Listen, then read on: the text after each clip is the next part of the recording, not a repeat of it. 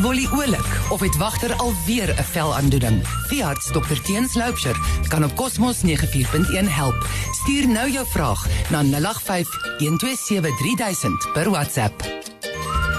Ons was nou almal lekker op vakansie met ons honde en katte. Hoopelik was dit meeste van die tyd lekker, aangenaam en opwindend soos hulle baljaar in die water op die strand of partykeer bietjie frustrerend wanneer hulle ver van jou aan 'n vrot mosselkou en nie wil terugkom wanneer jy hulle roep nie. Ek is Dr Teens Loupsher van Windhoek Veterinary Clinic en ek wil vandag 'n paar wenke deel hoe ek gevind het die beste manier is om honde op te lei. Ek het in 'n vorige gesprek gesê dat enige hond, enige ouderdom en enige gedrag kan verander word en ek staan daarby. Dit is natuurlik dat gevestigde gedrag moeiliker gaan wees om te breek, maar geduld en konsekwentheid kan dit verander. Daar is 'n klomp verskillende maniere om honde op te lei en elke ou het sy eie. Hierdie is maar net wat ek die maklikste en vinnigste vind. Onthou julle hoe vinnig wagter leer sit het, want sommer na die tyd, die eerste keer of dalk die tweede keer wat hy gewys is, het hy dit reg gekry. Dit is so omdat hy dadelik, as hy dit reg kry, 'n lekker koekie of 'n stukkie biltong of kasie gekry het. Nou, alhoewel ek nie wil hê honde moet te veel lekkernye kry nie, is dit die vinnigste wat ons hulle geleer kry.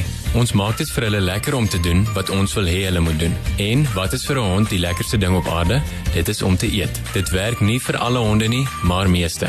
Ek stel ook voor dat 'n mens sommer die hond se eie korrels gebruik as aanmoediging en nie ander goed bysit nie. Onthou, dit moet net weer afgetrek word van sy kos af. Daaroor word kosgeetyd sommer vinnig oor 15 minute tydperk ook oplei tyd in my huis. So, hoe ek maak is net soos met die sit storie. Ek wys verwagter dat ek 'n lekker stukkie kos in my hand het. Dan, as ek hom wil laat lê, sak ek my hand stadig totdat dit op die vloer is. Hierso wil ons elke klein vordering beloon. Die eerste keer wil ek net hê hy moet sny van my hand, dan gee ek hom 'n korrel. Die volgende een wil ek hê dat hy sy skouers sak, dan gee ek hom 'n korrel. Dan die volgende beloning sal wees sodra hy sy elmboog knip, dan gee ek hom 'n korrel. En so gaan ons aan, stelselmatig totdat ons het dat hy heeltemal lê. So maak ons oor en oor en oor totdat hy elke keer lê sodra ek my hand sak. Dan sit ek die opdrag lê by. Dan doen ek dit weer oor en oor met die woord lê. En eers daarna kan ek selfs 'n handgebaar bysit sodat dit nie geskree in die geselskap is eendag nie.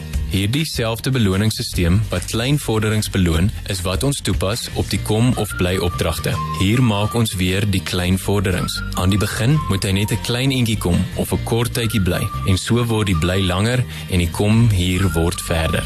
Nou kom die konsekwentheid. Ek kan nie toelaat dat 'n hond iets verkeerd doen en daarmee wegkom nie. Nie eers een keer nie. So, sodra ons op enige stappie faal, dan gaan ons dadelik twee stappies terug en vorder weer. Ons hoef nie elke dag 'n nuwe toertjie te leer nie en ook nie heeltemal te voltooi nie. Ons moet net altyd op 'n positiewe noot eindig, want dit moet vir hulle lekker bly. Hierdie is 'n baie kort inleiding en geduld is die enigste antwoord. As jy nie geduld het nie, kan jy en Woef dit sommer saam leer. Dit gaan elke aand vir jou en Woef tyd gee om mekaar te leer verstaan en later in die lewe baie frustrasie te spaar. Dit stimuleer ook vir Woef en so kan dit 'n groot uitwerking hê op sy stout wees wanneer hy nie by die huis is nie. Kom gesels gerus met ons by Windhoek Veterinary Clinic, langs die Amerikaanse ambassade of bel ons by 228 405. Tot volgende week. Hou aan glimlag.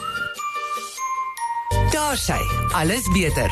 Wolly jag alweer die voels rond en wagter mag weer op die bed slaap. Dankie dokter Teens.